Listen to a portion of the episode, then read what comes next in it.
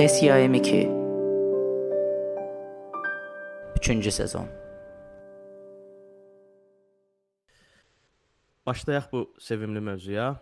İcazənlə Aziyə mən qısa bir proloq edim, sonra sən də bir Buyur. söz siftəsi edərsən. Mən nihilist deyiləm, amma e, mənə həqiqətən də çox doğma bir fəlsəfədir və e, real deyəndə ki, bu mövzu ilə bağlı eləyək e, bizim bu növbəti e, belə deyək də podkastı oturdum biraz daha belə araşdırmağa, oxumağa başladım bu 2 həftə ərzində.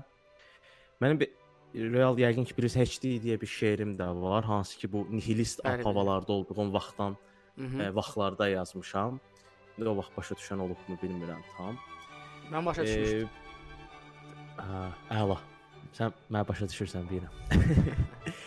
Əvvəl ondan başlayım ki, Əziyə, ə, bizim bu oxudaq oxuduqlarımızdan, izlədiklərimizdən və müzakirələrimizdən sonra e, danışmağa tapdığımız sözlərdir. Həm nihilizm haqqında, həm də başqa ə, fəlsəfələr haqqında biz e, məsələni necə əhatə eləyə biləcək və yaxud da çox da dərinə gedəcək e, məlumata çox da sahib deyilik. Yəni biz filosof deyilik.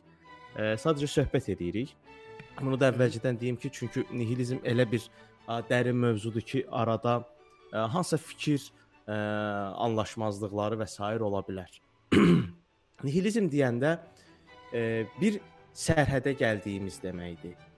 Bir fikir sərhədinə, bir əxlaqi sərhədə, siyasi sərhədə, etik sərhədə.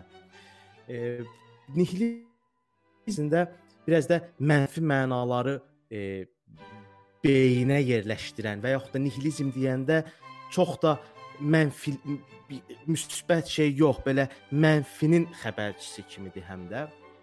Əgər e, nihilizm bu qədər mənfi au- auraya sahibdirsə, e, mən elə düşünürəm ki, bunun haqqında həqiqətən də bol-bol danışmağa dəyər. Çünki dəyərlər nə dəyərlərə nisbətən get-gedə daha dəyərsizləşir. Məsələn, ə, biz həmişə danışırıq bunu. Çörəyi yerdə görəndə öpüb yuxarı qoyan bir nəsil idik. Amma bu nəsil elə deyil. Get-gedə bütün dəyə, məsələn, bunun da kökü var, çünki ə, müharibə şəraiti, çörək Allahı bilmirəm nə, nə, nə gedir axırına kimi və bu dəyərlər get-gedə dəyərsizləşir. Əgər biz e, nihilizmi bir belə charta oxşasaq, bir e, şəkilə oxşasaq, get-gedə heçliyə doğru, yoxluğa doğru, dəyərsizliyə e, doğru gedən bir ə, fəlsəfi dəsti xəttdir. Nihilizm sözünün kökü nihildir. Yunan dilində, yəni heç nə, heç bir şey deməkdir. İnsanın dünyanın, ümumiyyətlə mövcudiyyətin, var olmağın ə, dərk olunmağı, dərk olunmağı. Yəni mən niyə bu dünyadayam? Niyə bu əxlaqım var? Niyə bu tərbiyəm var? Niyə bu dəyərim var? Allah nədir? Allah ümumiyyətlə varmı? Bütün bunları əhatə edən, amma bunları əhatə eləyərkən bunların boş olduğunu deyən bir dünya görüşüdür. Ə, məsələn, realizm nə deyirdi? Aziyə deyirdi ki, e, varlıq var. Hı -hı. Amma nihilizm nə deyir? Deyir, yoxdur. Heç nə yoxdur. Yəni bir məsələ də var ki, bayaq dediyin o ə, dövrün gəncləri və s. və ilaxır. Yəni nihilizmin özünün ə, bir ə, anlayış kimi yaranmasının əsas səbəblərindən biri həmin dövrdə yaşamış adamların ə, dünyaya baxış tərzidir. Yəni nihilizm ə, düzdür, bir hardasa pessimizmlik və bədbinlik üzərindən qurulan ə, və onun üzərindən ə, ortaya çıxan bir ə, təlimdir, belə deyək. Amma nihilizm öz özlüyündə daha fəlsəfi, daha ə, dünyanı ə, yəni biri var sən sadəcə bədbinsən, sadəcə depressiyadasan. Bir də var ki, dünyaya baxış tərzi ümumiyyətlə elədir. Yəni sənin ə, ümidlərin, sənin hansı bir gələcəklə bağlı fikirlərin və s. və ilaxır hamısı ə, bu bu perspektivdən baxılır. Yəni biri var ki, sənin ə, səhər getmisən, başına bir iş gəlib, bir oyun gəlib və, yaxud hansısa bir hadisə, faciə baş verib və o sənə təsir eləyib. Müəyyən müddət sonra o gedir. Çünki insan ə, insanı yaşamağa yəni məcbur eləyən əsas şeylərdən biri onun ə, ümididir, gələcəyə ümididir. Nihilizm də isə bir təmin olaraq bu ümid yoxa çıxır. Yəni bu ümid deyir ki, heç də öyrənə bilmərsən. Hı -hı. Yəni ə, məsələn bilik fəlsəfəsində bilik fəlsəfəsinə qarşı durur. Deyir ki, öyrənə biləcəyin heç bir bilik yoxdur.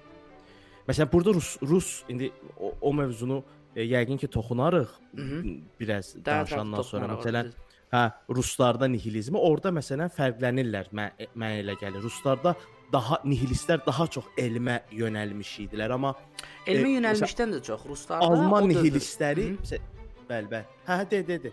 Yəni demək istədiyim nə idi? Ruslarda ə, nihilist olanlar, yəni ilk nihilistlər və s. məsəl üçün ə, Turgenevin o ə, Atalar və Oğullar ə, əsərində, Bəli. yəni ilk nihilist obrazda orada yaranır. Yəni o adam oxumuş, savadlı, bilikli və ə, necə deyirlər, dünyanı görmüş və bilik, yəni ziyalı bir adam olur.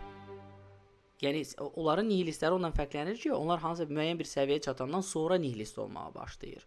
Yəni Hı, onlar hı, hı. ə, mütləq formada, ə, yəni ilk nihilist ə, personajlar olsun, ilk nihilist ə, adamlar olsun, bunlar ziyalı adamlar olub. Yəni bunlar ə, fəlsəfəyə daha sonra yönələn, amma ilk ə, əvvəldə yəni bunlara ə, intelligensiya deyirlərdi. Həmin intelligensiyalar olub. Mhm, mhm. Amma məsələn indi Alman fəlsəfəsinə baxanda, e, bayaq dediyimdə biliyə qarşılıq var. Dəyər fəlsəfəsi ilə toqquşur. Deyir ki, dünyada heç bir dəyər yoxdur. Varlıq fəlsəfəsi ilə toqquşur. Deyir ki, varlıq fəlsəfəsi də yoxdur. Yəni deyir ki, heç nə öyrənə bilmərsən. Bütün məlumatlar boşdur. Heç bir mütləq bilik yoxdur. Və yaxud da insanın əxlaqını tənzimləyən heç bir şey yoxdur. Mənə elə gəlir ki, ə, vaxtaşırı biz çox düşürük. E, bu bu pessimizmin içinə və yaxud da bu nihilizmin içinə. Məsələn, e, mən belə çox papsa kitabdır. Brian Tracy-nin e, Eat That Frog, Yeo qurbağanı deyə bir kitabı var. Aha. Belə nazik bir kitabdır.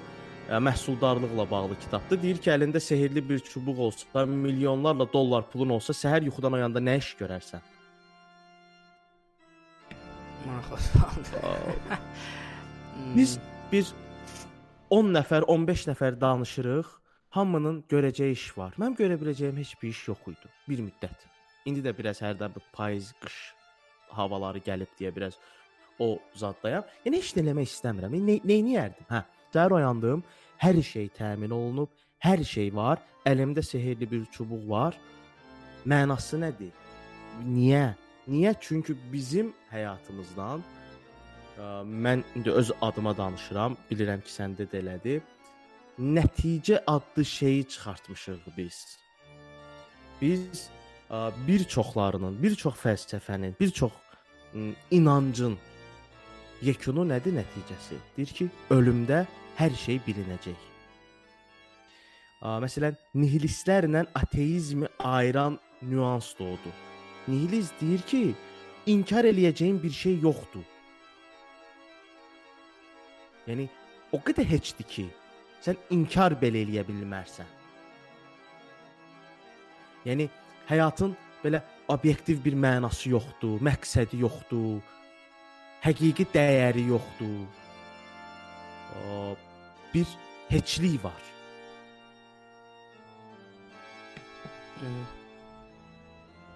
Bir də ə, bu nihilizmin təməlində duran Məsələn, şeylərdən dini bu din dini avtoritaryanı ə, qəbul eləmir. Məsələn deyir ki, ə, Tanrı məna yüklənəndə Tanrıya çevrilir. Bildin? Yəni e, sən e, nədir bu? Niyə oldu? Hı -hı. Ə, necə oldu? Niyə olmalı idi kimi sualları verib mühakimə eləyəndə hər bir fəlsəfənin, hər bir inancın deyir, heçliyinə doğru gedirsən. Ki, ə, məsələn bu fəlsəfənin bu ən məşhur və belə deyək də ən ə, türklər demiş önəmli nümayəndəsi Nietzschedir. Nietzsche bütün bu qaydaları əslində inkar eləyirdi. Ə, Allah öldü deyəndə də məhz bu fəlsəfəni ön planda çıxardırdı. Sizin yaratdığınız Allah öldü deyirdi. Ə, Nietzsche bütün dəyərləri saxta adlandırır. Hətta şey deyirdi ki, köhnə dəyərlər zibilliyə getməli və yeni dəyərlər gəlməlidir. E, amma köhnə dəyərləri indi faşizm biraz da qidalanıb oradan, amma köhnə dəyərlər həm də köhnə insanlar demək deyildi. Ubermensch deyirdi. Fövqəl insandan danışırdı. Artıq Hı -hı. yeni bir insan növünün, bəlkə də ə, məsələn indi bir çox belə deyək, 21-ci əsr filosofları əslində Nietzsche-nin dediyi Ubermenschin bizlər olduğunu deyirlər. Həqiqətən də fərdiləşən insan. Ə, məsələn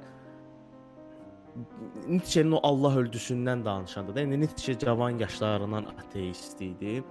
E, o Allah öldü deyəndə Allahın e, əsl biraz da öldüyünü yox, Tanrı Allah anlayışının öldüyündən biraz da danışırdı. Çünki sən ə, məsələn e, Zərdüşt belə dedin oxuyanda sonlara qədər də o ölümü vermir. Anlayış ölümündən danışır başa başa sala bilirəm də səni. Əlbəttə. E, çünki bizim mənə e, daha çox bu ə, Nietzsche-nin və populyar ə, nihilist nümayəndələrindən çox mənə ə, nihilizmin ə, yəni metafizikası maraqlıdır. Yəni ə, biraz Hı -hı. bu ə, daha belə fəlsəfi yox, daha çox ə, fantastik bir şeyə ə, bənzəyən tərəfi, yəni obyektlərin həqiqətdə mövcud olmamasını və onun vacibliyini inkar edən bir fəlsəfə.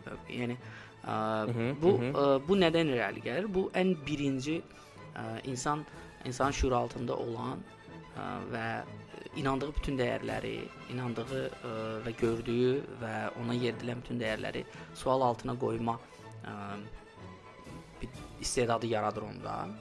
Ə, mənə məsələn bu tərəfi daha çox maraqlı olur. Çünki biz bir dəqiqə danışa bilərik Nietzsche-nin əsərlərindən, yəni o bütün o konsepsiyalardan və s. və ilaxır Rus Rusiyada yaranmağı və orada necə inkişaf eləməyi, ondan sonra Sovet dövründən bunun təsiri və s. və ilaxır ki, buna da yenə toxunarıq. Amma mən istəyərdim ə, şəxsən sənin fikrini alım bu haqqda. Yəni məsələn, nihilizm deyəndə sənə nə qədər yad və yaxud da nə qədər doğma olan oradan ə, hansı faktlar və yaxud da belə deyim, amillər və yaxud hansı bir ə, nöqtələr var ki, məsələn, sən toxunur və hardasa özünü onunla ə, bağlaya bilirsən. Məsələn, bunu birinci deyim ki, e, Tanrının ölümü biraz fəlsəfədən daha çox həm də e, kulturanı əlaqələndirən bir şeydir. Çünki Qərb Avropasının əsas dayağı xristianlıqdır və xristianlıq inancından imtina eləyəndə adamın yasından tutmuş toyuna qədər, təhsilindən tutmuş duasına qədər altı boşalırdı. Və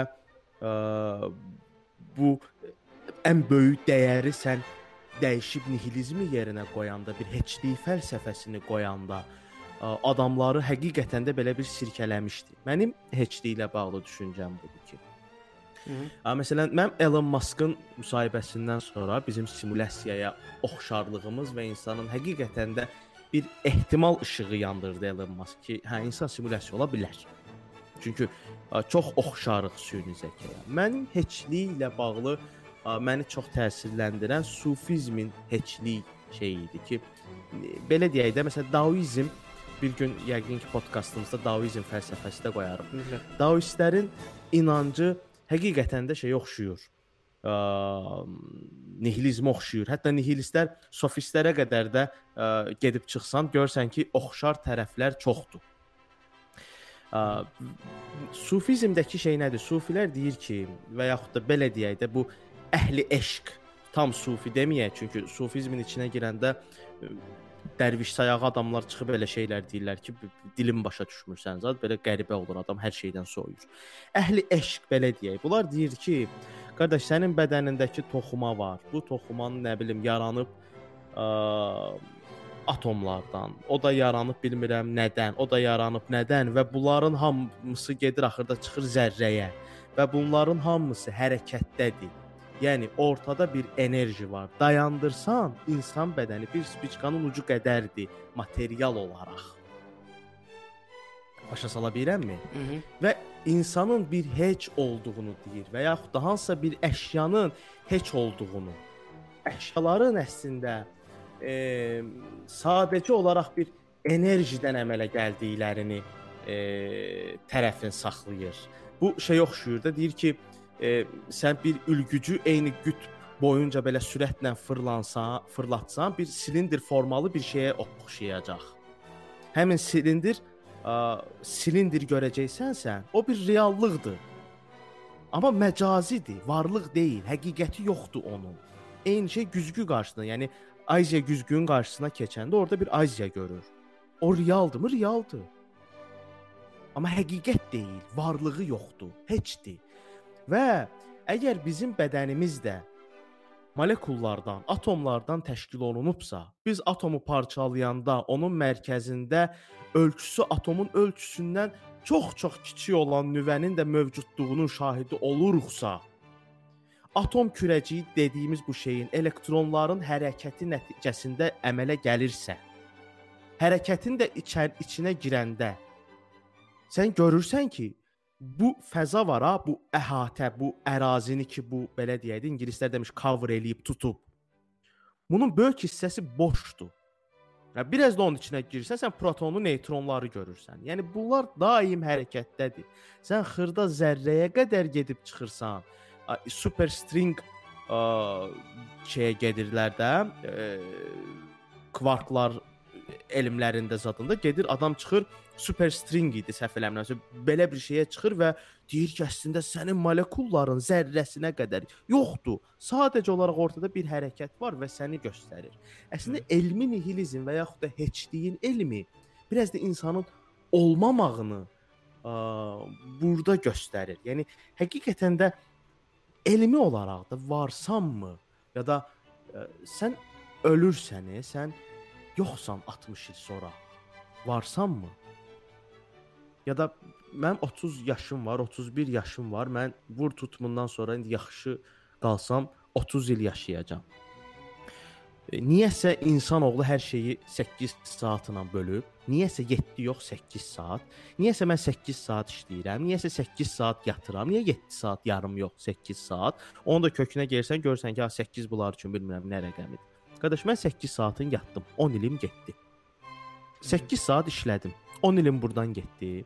Yəni təqaüd alası bir şey, sən də işlədiyin yerdən təqaüd alası deyilsən, mən də işlədiyim yerdən təqaüd alası deyiləm. Düzdür? Qaldı 10 saat. Tualetim, yaşamağım, gəzməyim, tozmağım, yolum, heç biri nə yuxu 8 saatımdan gedir, nə iş 8 saatımdan. Bunun hamısı mənim həyat 8 saatımdan yeyilir. Yəni mən hər gün 1 saat yolda keçirirəmsə, bu 30 ilin sonunda oldu 1 il. Bir. O, o, o, bu elə vur tut mənim 6 il ömrüm qalıb ki bundan sonra.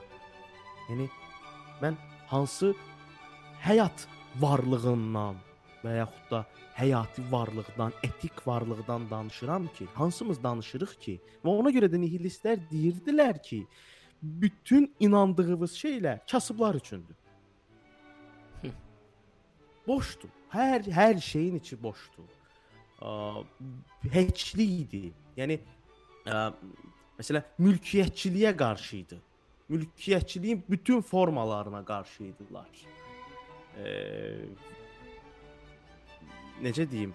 E, məsələn sən indi keçən dəfə şeyi Utopiya ilə Utopiyanı İskəndər namələrə qədər apardın da. Hı -hı. E, məsələn Budizmə qədər sən bəlkə də nihilizm apararsan. Budizmdə hə, Budizm də bir heçlikdən, bir heçlik fəlsəfəsindən, Daoizm də bir heçlik fəlsəfəsindən, Sufizmin özü də bir heçlik fəlsəfəsindən, amma həm də e, bu heçliyi bir sevgi ilə doldurmaqdan danışırdı.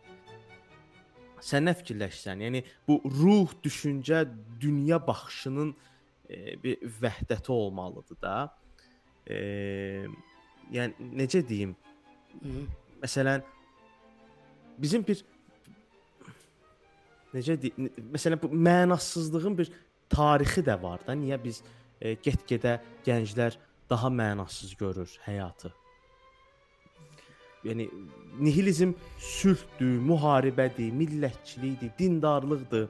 Bunların hamısını rədd elədiyinə görə biraz da şiddətli, necə deyirlər, təzyiqə məruz qalıb, çox belə neqativdir də. Mən də Azərbaycanda e, belə ə, nihilist sözü ə, bir ə, necə deyirəm, neqativ formada istifadə olunur daha çox.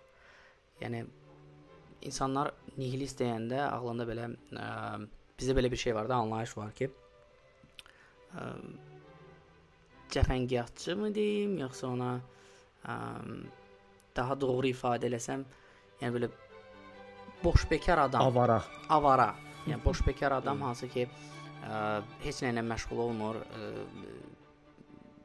yəni heç bir işlə məşğul olmamağın özünün belə günah olduğu bir yerdə hər şeyi inkar eləmək, ə, əlbəttə ki, ə, təhqir forması kimi istifadə hə. olunur. Yəni bu da Azərbaycanda ə, həm ə, biraz Sovet dövründə təsir var, çünki nihilizm ə, Sovet dövrünün bütün proqressiv. Halbuki ruslarda hə. gənc intellektual təbəqə arasında nihilizm başlamışdı. Yəni bu yox, fəlsəfə yox, ə, belə bir məsələ var. Bu o o o dövrdə yaranan dövrdə, yəni Sovet dövrü, yəni ümumiyyətlə atalar və oğullar əsəri ilə də.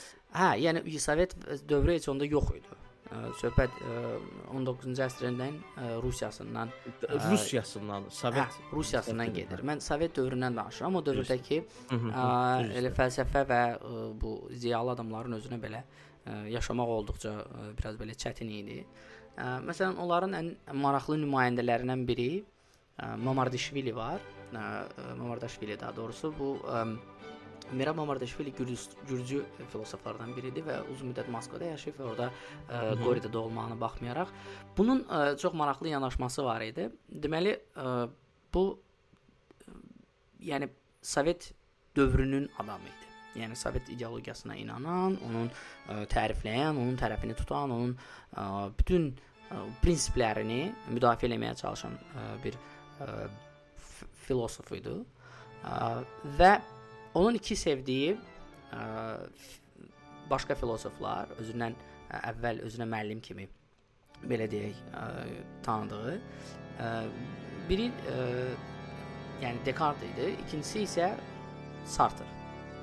Yəni Descartes daha çox ə, rasionalist bir düşüncəyə sahib olan və rasionalist fəlsəfənin tərəfini tutan adam olaraq bilinirdi. Ə, Sartre isə ə, yəni irrasional bir fikrin, yəni ekzistensialist düşüncənin ə, adamı idi.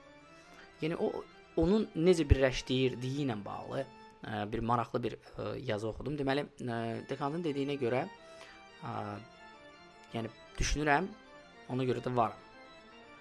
Ə, Sartre isə yəni o Nietzsche-dən təsirlənərək, yəni nihilizmin ə, davamı olaraq ə, inkişaf elətdirdiyi, yəni ə, xüsusilə Fransanın o dövrkü ə, gəncliyinə çox böyük təsir etmiş ə, düşüncələrindən biri və məqalələrindən biri, yəni Allahın ə, yəni Allah yoxdur ə, fikrinin ə, davamı olaraq bir ə, ərsəyə gətirdiyi bir məqalə var idi. Yəni bu var idi. Bunu bu ikisini birləşdirəndə nə olur? Yəni ə, özü üçün belə bir ə, qəribə tezis qururdu ki, ə, düşünürəm deməli varam və artıq düşünən yoxdursa, yəni düşüncə daha doğrusu düşünməyi kim yaradır? Yəni o düşünmək sözünün özünü, yəni Allah yaradır. Deməli o yoxdursa, mən özüm elə ə, Allaham.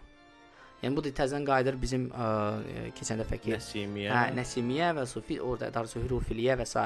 Yəni o Həllaca və s. Və bəli və o, o göstərir ki, yəni bu qədim dövrlərdən belə mümkün ə, yəni inkişaf eləməyə başlayan bir ə, ümumiyyətlə yeni bir şey yoxdur. Yəni yeni fəlsəfi cərəyan ə, hansısa bir ə, mövcud bir şeyin daha çox inkişaf elətdirilmiş forması və yaxud da ə, bəzədilmiş forması və yaxud da dəyişdirilmiş forması ola bilər, amma hı -hı. yeni bir təmil mən ə, təlim mən hələ ki ə, görməmişəm və nihilizm də bunların sırasında ə, heç bir yenilik göstərmir. Ekzistensializm haqqında biz ə, ə, çox ümid edirəm ki, ayrıca bir ə, podkast eləyərik o haqqda, amma ə, məsəl üçün onun özü belə kökü hardan gəlirdi?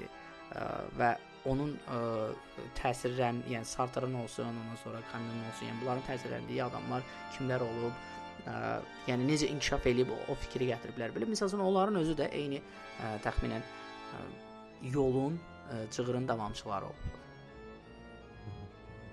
Ə, şey dedin, yadıma düşdü. Ə, bu düşünürəmsə varam. Ə, Ağalar Məmmədov bizə Ağalar Qut deyək də, dərslərdə deyirdi ki, Azərbaycanda düşünürəmsə varam yox, düşünülürəmsə varamdır. Yəni mənim yasıma daha çox adam gəlirsə varam, toyun böyük şadlıq saraylarında keçirilirsə varam, bahalı maşınım varsa varam. Yəni davamlı olaraq ə, mən dilə gətirilirəmsə varamla danışırdı. Niyəsə sən ə, onu deyəndə o yadıma düşdü. E, bəs Azərbaycan ədəbiyyatında nihilizm necə? Yəni Əziyə. bizim ən bizən Azərbaycan ədəbiyyatında ümumiyyətlə ə, nihilist ə, anlayışı çox ə, zəif göstərilir. Çox üzr istəyirəm. Məsələn, Türkiyədə Neyzən Tevfik var. Məsələn, belə nihilizmin ə, əjdahası da, yəni Neyzən Tevfik. E, Məsələn, nihilistdir. Həqiqətən də nihilist şeirlər yazır. Belə qıcıqlandırır hərdən səni.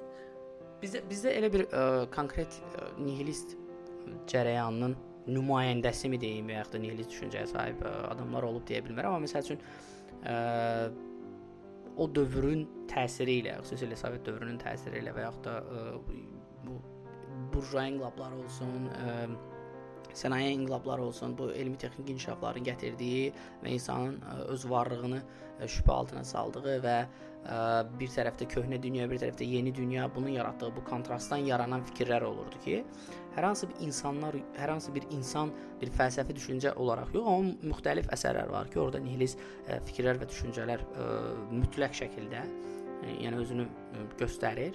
Yəni ən qədim forma, amma iki cür forma var ki, mən bunu çox istəyərdim ki, ə, biz özümüz üçün ayırd eləyək. Məsələn, Azərbaycan Azərbaycan ədəbiyyatı deyəndə biz Molla Vəli Vidadi var tutaq ki.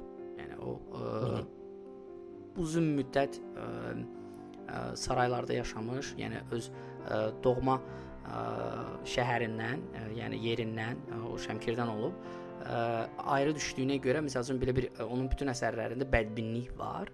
Ə, və hətta Molla Pənah Vaqif onun yaxın dostu uzun müddət onu belə niyə ağlayırsan, bütün günü ağlayan şeylər yazırsan deyə həmişə ə, tənqidə ə, məruz qoyduğu adamdır. Məsələn orada bir nipkinlik var ya, ə, yəni o ə, bədbinlik də doğrusu var və o bədbinlik ə, onun bütün əsərləri boy göstərir. Amma bu nihilizmdirmi? Ə, əlbəttə ki, yox.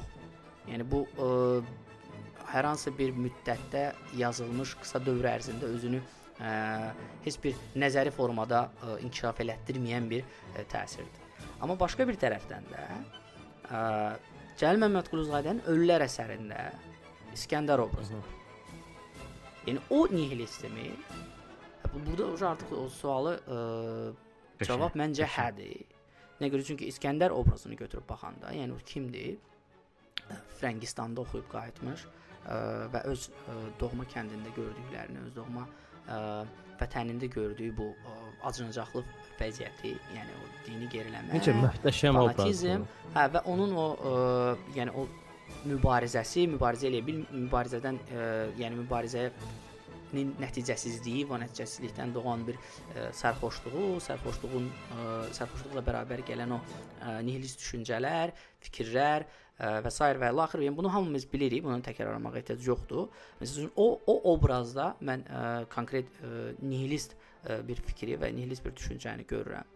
Eləcə də yəni ə, Sovet dövrünün o birisi ə, ikinci ə, tərəfi, yəni 50-ci illərdən bu tərəfə yaxud da ə, 40-cı illərdə, 30-cu illərdə yazılmış əsərlərdə ə, müəyyən bir düşüncə var və hətta ona görə, yəni insanlara o cür yazdığına görə tənqidlər çox olub.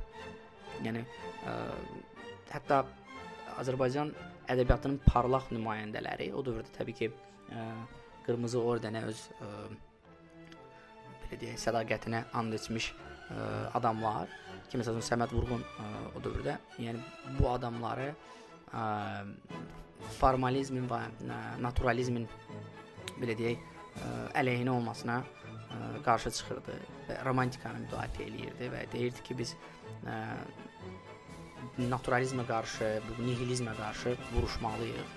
Ə, biz mə yəni ədəbiyyatı ə, məişətçi məişətə endirməməliyik. Ədəbiyyat romantik olmalıdır, hansı ülvi hisslərdən danışmalıdır və s. və ilaxır. Yəni reallıqdan uzaqlaşdırırdı. E, ki bu da təbii ki Sovet dövrünün ə, kommunist ə, düşüncəsinin təsiri idi. Çünki insanlar ə, daha yaxşı utopik bir dünyaya inanırdılar və ə, o dünyada ə, nihilist ə, fikirlərin olmağı biraz belə ə, qəbul olunmaz idi.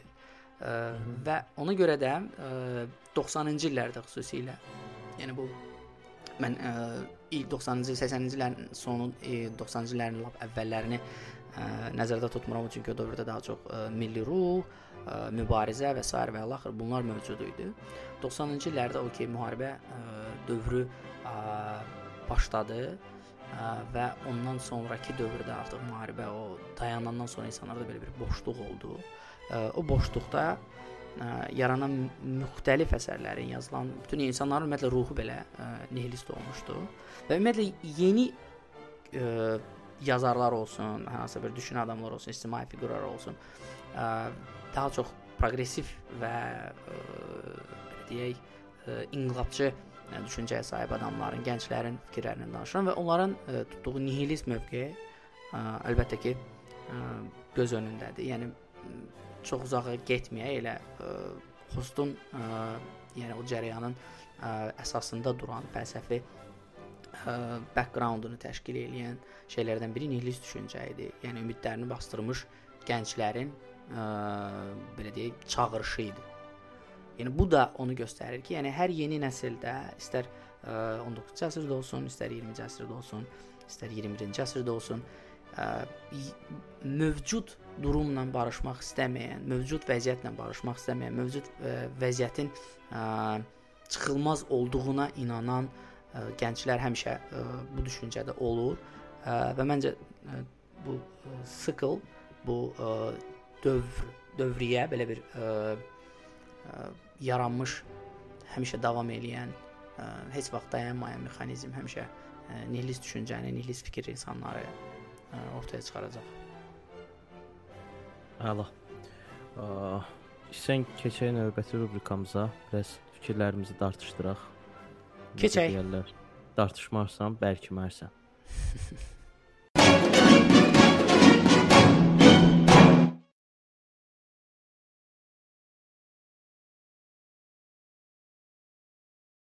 Aziya, deməli nihilizmi bir çox sahəyə, bir çox təfəkkürə, bir çox həyatımızda ə, əhəmiyyətli saydığımız nüanslara sirayət elətdirmək mümkündür. İstəyirsənsə e, bir-bir mən fikirlərimi deyim, sonra müzakirə edək, qarşılıqlı tamam. belə danışaq. E, məsələn, nihilizm, nihilist belə deyək, axınlardan biri ontoloji nihilizmdir. Ontoloji nihilizm nə deyir? Ontoloji nihilizm varlığın təməlinin ə, ümumiyyətlə sorğulanmasının mənasız olduğunu deyir. Varlığın ümumiyyətlə həqiqət olmadığını deyir. E, məsələn sən nə düşünürsən? Nihilizm pis pisliyidimi? Cəm cəmiyyətə pisliyimi gətirir? Bax, məsələn mən dindar ölkələrə baxıram. Bu dini məsələ deyil ha. Sadəcə dindar ölkəyə baxdığım zaman dindar ölkədə daha çox ədalətsiz ədalətsizlik görürəm. İnsani ədalətsizlik. Amma e, dinin özünə baxanda adam nə deyir? E, deyir ki, müsəlman bərabərliyə çox fikir verər. E, cümə günü hamı eyni sırada dursun mənim namazıma. E, bu fəlsəfədə hamı bərabərdir və zəkat verin ki, cəmiyyətdəki ədalətsizliklər xarab ol, şey olsun, aradan getsin. Bu dini baxışdır. Yəni mən bunu danışmıram. Bundan danışmıram. Hı -hı. Mən əməldən danışıram. Necə olur ki, Finlandiya kimi ateist bir ölkə, Yaponiya kimi ümumiyyətlə ateist belə sayılmayacaq bir cəmiyyət ə, çox daha insani olur çox daha insana dəyər verən, çox daha vicdan yiyəsi, çox daha haqqı az yeyilir insanın oralarda. Amma nisbətən antoloji e, məsələlərə, dini məsələlərə belə daha çox əhəmiyyət verən ölkələrdə həqiqi ədalətsizlik olur. Varlı kasıbı əzir, susuz ac buraxır. Yəni e, antoloji nihilizm haqlıdırmı? Sən nə düşünürsən? Yəni mən e, düzmü deyir? İndi düz deyiri demək biraz da çox da bizə düşməz. Yəni necə deyim, bizə düşməz deyəndə, yəni e, bəlkə də o e, püxtələşmiş fikir çıxartmaq çətin olar, amma e, göstərən oldu həqiqətən biz nihilli... E, fikrimizi, yəni e, yəni gizlətmədən danışmaq istəyiriksə, mən bir məsələni deyim. Məncə ə, bu bayaq sadaladığın şeylərin əsasında və kökündə mən ümumiyyətlə fərdi inkişafı və fərdi ə, düşüncənin ön planda olmağına daha çox inanan adamam. Nəinki hər hansı bir ideyanı və kütləvi ə, bir ə, düşüncənin tərəfini saxlayan. Yəni belə bir məsələ var. Ə, istər din olsun, istər ə, kommunizm olsun, istər ə, ateizm olsun, ə, hər hansı axırında izm olan bütün izmlər olsun, bunlar hamısı bir ideyadır və ətrafına ə, daha çox adamı yığmaq məqsədi daşıyan və ə, daha çox ə, güc əldə etməyə çalışan bir təlimlərdir. Mən bunlara qarşıyam ki, yəni bunlar olanda istər-istəməz ə, insan insanın ən ə, sadə, ən adi və ən ə, ə, ilk hüquqları belə ə, pozulacaq. Yəni məsələn Sovet dövrü ateist idi, amma ə, insan haqqları və oradakı olan bütün pozuntular və insanlara qarşı törədilən cinayətlər ə, sonsuz dərəcədə idi. Və yaxud da həmin ə, başqa bir şey götürək, məsələn, ə, dövrün İranını götürək. Yəni insan haqqları və insan ə, hüquqları orada tapdalandığı qədər heç yerdə tapdalanmır. Və yaxud da götürək ə, ən belə ə, yəni istənilən ideya tərəfdən ə, idarə olunan bir ideya qulluq eləyən ə, nə bilim Şimali Koreyası olsun, ə, ondan sonra IŞİD olsun, ondan sonra ə, hər hansı bir dövlət, hər hansı bir qurum, hər hansı bir təşkilat, hər hansı bir birlik, hər hansı bir özündə müxtəlif adamları toplayan, amma eyni ideya qulluq eləməyə çağıran ə, bütün sistemlər öz özlüyündə ə, çürüməyə və məhv olmağa məhkumdur. Çünki insanlar fərd olaraq inkişaf eləməlidir. Yəni mən dinə inanıram, sən dinə inanmırsan, ə, bu bizim üçün bizi bizi ayıran bir şeylər olmamalıdır. Əslində bu bizi birləşdirən, nə qədər fərqli olduğumuzu göstərən bir şeylər olmalıdır. Yəni mən insanların fərdi bu baxımdan fərdi nihilizminə daha çox inanıram. Ə, və hesab edirəm ki, hər bir insanın həyatında o fərdi nihilizm olmalıdır ki, bəzi şeyləri sual altına qoysun, bu skeptik yanaşması olsun. Və o sual yarandığı müddətdə sən cavab axtarışında olacaqsan və cavab axtardığın müddətdə sən həmişə daha çox özünü inkişaf elətdirməyi, daha çox yeni baxış açıları belə deyək, tapmağa çalışacaqsan özündə. Ki bu da əlbəttə ki, proqresin və davamlı intibahın danılmaz səbəblərindən biridir. Və mən buna inanıram. Amma başqa bir tərəfdən ə, belə bir termin var da, hüquqi nihilizm. Yəni ə, hər şeyin heç bir ə, dövlət strukturu olsun, heç bir ə, istənilən dövlət strukturu olsun, istənilən ə, işləyən və siyasi nihilizmlə eyni e, yerə gəlir çıxır. Hə, hüquq, siyasi nihilizm olsun və yaxud da hüquqi nihilizm Hı -hı. olsun və yaxud da nə bilim yəni sən artıq özündə o qədər gücsüz hesab eləyirsən ki, ə, sən dünyada və hər yerdə olan ə, bütün ə, qanun və qayda ə, strukturunu, qanun və qayda ə, formasını, ümumiyyətlə bu ə, sistemi belə ə, sual altına qoyursan və onun ə, ədalətsiz olduğuna inanmağa başlayırsan ə, və artıq o, heç nə gözləmirsən orada. Və bu çox şey deyirdi ki, indi mən çox Nietzsche-dən şey deyirəm, üzrləşcə belə. Nietzsche deyirdi ki, fərdin əxlaqlı olması üçün özünü ə, cəmiyyətin əxlaqından ə, ayırmağı, kənara qoymağı çox vacibdir. Və həm də deyir ki, ə, kim daha çox əxlaq davası edirsə, bilin ki, ən əxlaqsız elə odur. Və beləcə biz etik nihilizmlə danışmağa başlayırıq. Yəni bütün dəyərlərin və yaxud da dəyərli hesab edilən hər şeyin heç olmağından. Mən sualım bununla bağlı sənə nə olacaq? Amerikada -hı. Hansısa bir əxlaqi tabudan danışmaq, bir əxlaq normasından danışmaq mümkündürmü? Ziyan vurmağı demirəm ha. Sualımı ziyan vurmağı çıxardım. Hə, mən heç kimin başına gedib orada alma ata bilmərəm. Bu okey. Amma almanı istədiyim formada yeyə bilərəm də küçədə və yaxud da almaya ibadət eləyə bilərəm də. Alma dedim çox Apple-a getdik. Yox, məsələ bizə nədir? Amma bu liberal yəni, cəmiyyətlərdə oradakı o. Hı liberal cəmiyyətlərdə, yəni, yəni Amerikadakı etika mənə maraqlıdır. Yəni bizə necədir? Burada ə, nəinki Amerikada, bütün istənilən ə, qərb sivilizasiyasının ə, beşiyi sayılan və yaradılan orada yaradılan bütün dövlətlərdə liberal dəyərlər hazırda daha çox üst üstünlük təşkil eləyir və əlbəttə ki, o liberal dəyərlərin əsasında da hər bir insanın ə, yəni istədiyi formada ə, öz şəxsi inanclarının olması və yaxud da hansı bir şəxsi ə, fikirlərinin, ə, azad ə, düşüncə tərzinin və s. və laxır. Bunun kimi, yəni sadalamaq ehtiyac sadalamağa ehtiyac olmayan bütün ə, dəyərlərin tərəfini saxlayır. Amma belə bir məsələ də var ki, ə, tabu istənilən cəmiyyətdə, istənilən ə, yəni cəmiyyət formasına salınmış, qəbul olsun, ailə olsun, hər yerdə mövcuddur. Yəni ə, kimisə limitləri ə, ailədə söyüş söyməklə qutarır, kimisə limitləri ailədə bir-biri ilə yatmamaqla qutarır, kimisə də limitləri ümumiyyətlə bir-birini öldürməməklə qutarır. Yəni bu limitlər ə, məncə cəmiyyətin özü üçün qoyduğu ə, yəni qayda və qanunlardır. Ə, belə deyək, ümumi qəbul olunmuş, yazılmamış ə, hardasa qaydalardır. Ə, ki, onlar istənilən cəmiyyətdə Mark Karl Marx deyirdi ki, insan cəmiyyətdən qırağıda yaşaya bilməz. Bəs sən nə fikirləşirsən buna? Yəni hə, məsələn biz e, cəmiyyətin içində yaşamaq hansı, üçün hansı insandan danışırıq da? Hansı insandan danışırıq? Yəni cəmiyyətə uyğunlaşmış Bax, insandan danışırıqsa o yaşaya cəmiyyətin içində cəmiyyətin içində yaşamaq üçün bizim zəruri bir ər var. Onlardan biri də əxlaqdır. Yəni mən e, yolda gedəndə əxlaqımdan tutmuş iş yerindəki əxlaqıma qədər ə, bu bir cəmiyyət içində formalaşan bir şeydir.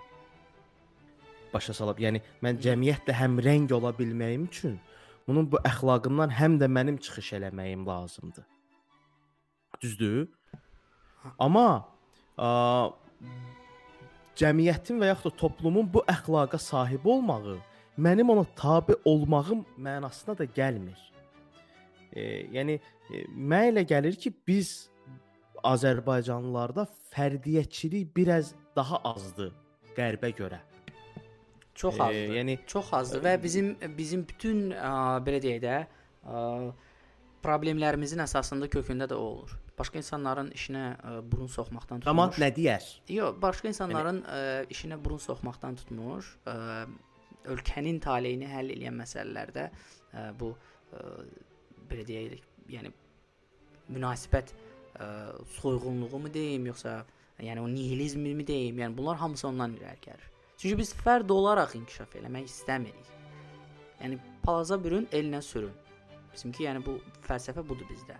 Biz bunu eləməyə çalışırıq. Əlbəttə bu hamıya aid deyil. Əlbəttə ki, mən başa düşürəm ki, ə, e, bunu daha gözəl və ə, e, parlaq düşüncəyə sahib ə, e, yüzlərlə, minlərlə ə, adamlar yaşayır bizim ölkədə, amma çox təəssüf olsun ki, ki, ümumiyyətlə yəni bu 10 milyon ə, adam yaşayırsa, ə, onun ə, 90%-i heç bir halda özünü fərdi ə, şəxs kimi görmür. O kiminsə atasıdır, kiminsə oğludur, kiminsə yoldaşıdır, kiminsə işçisidir, kiminsə rəisidir. Yəni bu da əlbəttə heç bir yəni fərdi inkişaf, fərdi ə, düşüncə tərzi, ə, mən fərqliyəm, mən belə əli geyinirəm. Kimdir? Belə. Əli yəni əli kimdir sualın ə, əli özünə verməlidir ki, fərd dəyişsin və nəticə etibarilə sən ə, cəmiyyət toplum tarixinə də baxanda görsən ki, fərd dəyişməlidir ki, cəmiyyət dəyişsin. Cəmiyyətin dəyişməyi ə, fərdi dəyişməyi çox məntiqsizdir. Yəni ə, nəticə etibarilə məntiqə gətirib çıxartmır. E, bir də bir şey var ki, bu indi biz əxlaq nihilizmlə danışdıq. Əxlaq nihilizm əxlaqsızlıqdır deməyin özü də biraz məntiqsizdir. Mən niyəsin onun deyim. Bununla bağlı da bir istəsən söhbət eləyək. E, məntiq və fəlsəfədə çox sadə bir düstur var da. Yəni sən hər hansı bir e, əşyanın, düşüncənin, nəsnənin e, alternativini axtarırsansa, ilk öncə o nəsnənin özü və yaxud o ideyanın özü mövcud olmalıdır. Nihilizm əxlaqsızlıqdan danışmır. Nihilizmə görə ümumiyyətlə əxlaq yoxdur deyir. Yəni heç bir əxlaq mövcud deyil. Yəni bu əxlaqsızlıq deyil Bunu da bir belə mərtəzə açıb deyim. E, belə.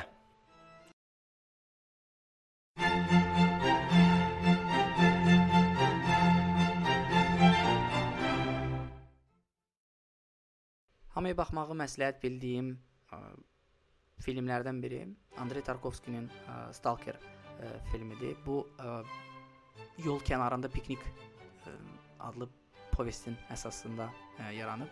Ə, Strugatski qardaşlarının ə, yəni 70-ci illərdə yazdığı film özü 79-cu ildə çəkilib və Andrey Tarkovskinin inanılmaz vizual ə, yəni bu çözümləri ilə ə, doludur. Yəni bunu hər şey qoyuram qırağa. Ümumiyyətlə müəyyən bir ə, nəsil üçün, ə, nəinki müəyyən bir nəsil üçün, hətta indiyə qədər belə ə, Tarkovski yəni öz ə, yaratdığı əsərlərlə ə, ilham mənbəyidir. Yəni bu Tarantinodan tutmuş, ə, bütün hazırda ə, məşhur olan və ə, özünü az-çox tanıda bilən və ə, gözəl işlər ortaya qoyan ə, rejissorların hamısına aiddir və hamısında onun ə, filmlərindən ilhamlanma və allüziyalar görə bilərik. Bu vizual tərəfini qoyuram qırağa filmin. Filmin ssenarisi və verdiyi mesaj var ki, ə, Tarkovskinin ə, dahiliyi burada ön plana çıxır. Ümumiyyətlə öz müsahibələrindən biri, müsahibələrindən birində, yəni Tarkovski nəyi belə inanılmaz dərəcədə bir transcendent bir şeyə toxunduğunu və yaxud da toxunmağa çalışdığını dilə gətirmişdi. Yəni burada insanın ə, özünü varlıq kimi sual altına qoymağı, ə, daha ali bir ə, qüvvənin ə, qüvvəyə inanc və onun nələrə gətirə biləcəyini, onun, onun öz həyatına necə təsir edə biləcəyini göstərir. Ə, bu ümumiyyətlə bir zonada baş verir. Ə, zona, yəni bildiyimiz ə, zona deyil, yəni zona orada daha çox ə, belə qapalı formada olan hər hansı bir yad planetlərin ə, yaratdığı bir ərazidir. O ərazidə onların ə, başına gələn bir hadisələr olur. Orada 3 nəfər hər şeyi danışıb ə, belə deyək, spoiler eləmək istəmirəm, amma mütləq baxın. Mənim ə, çox diqqətimi çəkən və həyatım boyu təsir edən filmlərdən biri olub. Ə, burada İncildən tutmuş müasir ə, yəni o dövrün ə, müasir ə, problemlərindən tutmuş ə, ondan sonra ə, dahi bəstəkarlara qədər hamısına ə, belə bir nəzirələr ə, və atmacalar var. Və orada olan ə, bir obraz, şair obrazı, şair yox daha doğrusu yazıcı obrazı ən çox diqqətimi çəkənlərdən biridir və orada yazıcı obrazının dini nəzirələr necə onun ona reaksiyası o ümumiyyətlə bir nihilistdir, belə bir inkarçıdır, heç nəyə inanmır və s. və ilaxır və orada onun qarşısına qoyduğu suallar və Stalkerə eyni zamanda professorla söhbətlərində ortaya çıxan yəni mənim şəxsən özüm üçün bir neçə maraqlı məqamlar oldu ki, insanı düşünməyə və yəni fikirləşməyə məcbur edən filmlərdən biridir. Əlbəttə diqqətli baxsaz, film çox ümumiyyətlə Tarkovski stilindədir və o ə, belə uzun, ə, biraz yorucu, biraz belə sakit kadrlarla doludur. Ə, mütləq dialoqlara qulaq asın, ə, mütləq ə, yəni axıra qədər baxın. 3 saata yaxın bir filmdir. Ə, dövründə müxtəlif mübahisələrə və s. Ə, səbəb olmuş filmlərdən biridir ə, ümumiyyətlə Tarkovskinin ə, baxa bilirsinizsə bütün əsərlərinə, bütün filmlərinə ə, əl gəzdirin, belə deyirlər. Ə, mütləq baxın Stalker filmi. Ə, inanıram ki, istənilən yerdə ə, pulsuz baxa bilərsiniz.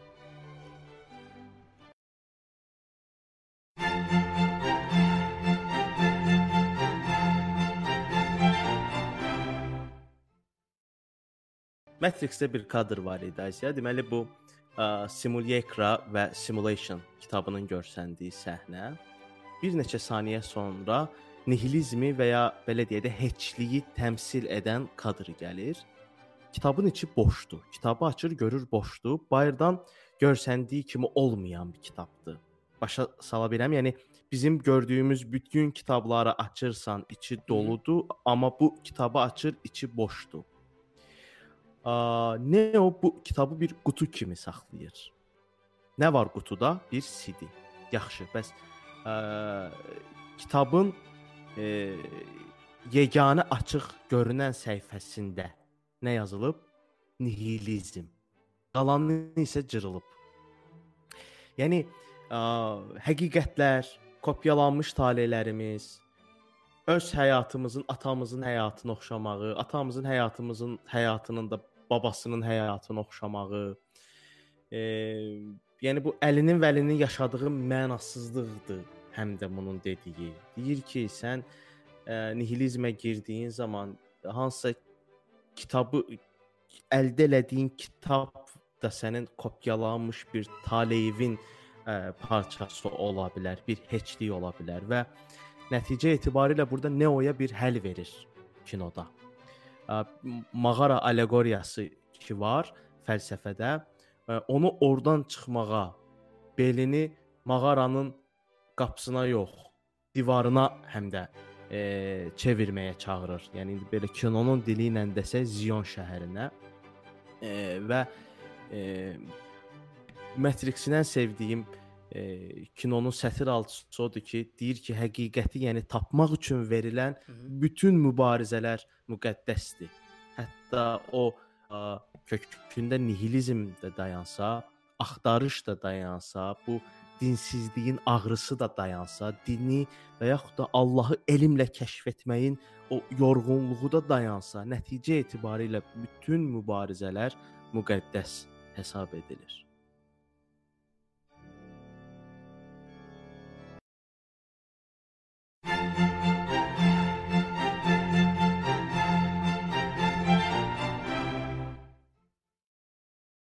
Kintsugi'nin hekayəsindən danışaq istəyirsən, Asiya. Deməli 15-ci əsrdə Yapon generallardan Ashikaga Yoshimasa bir dənə Çini belə deyək, çayda çayniki var imiş, çaydanı var imiş. Necədir onun düzgün if ifadəsi?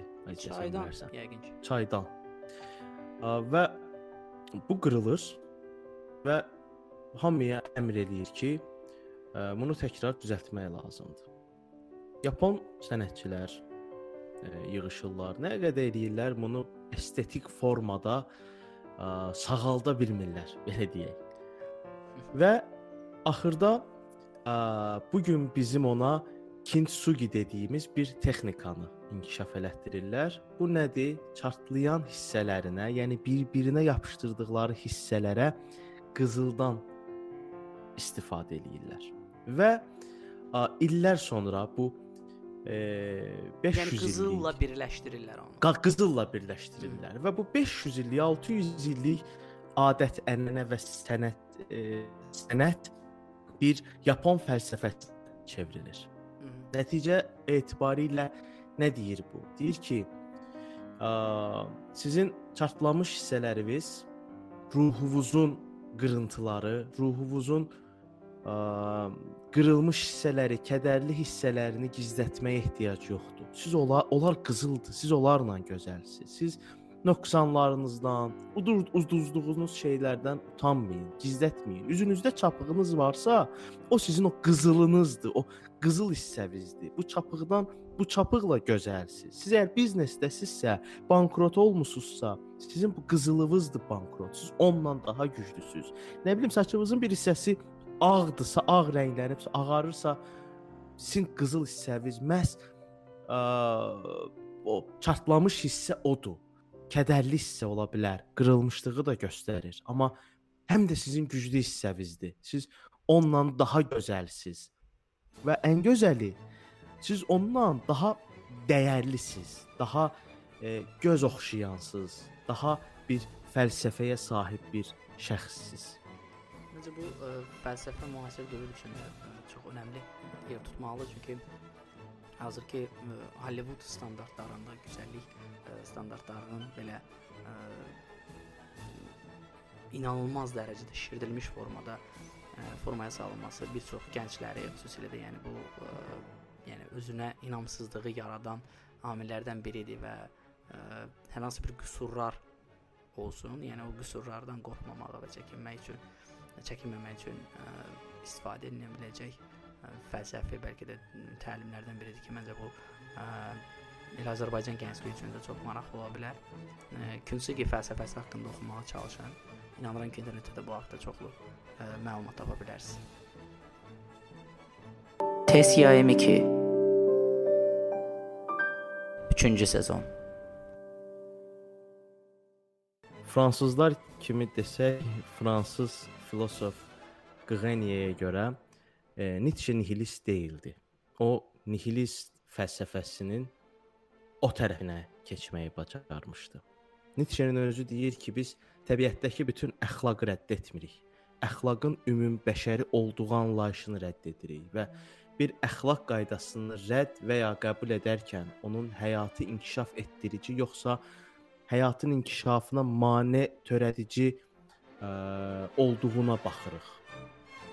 Nietzsche kölə, kölə və bəy əxlaqı olaraq iki əxlaqdan bəhs eləyir.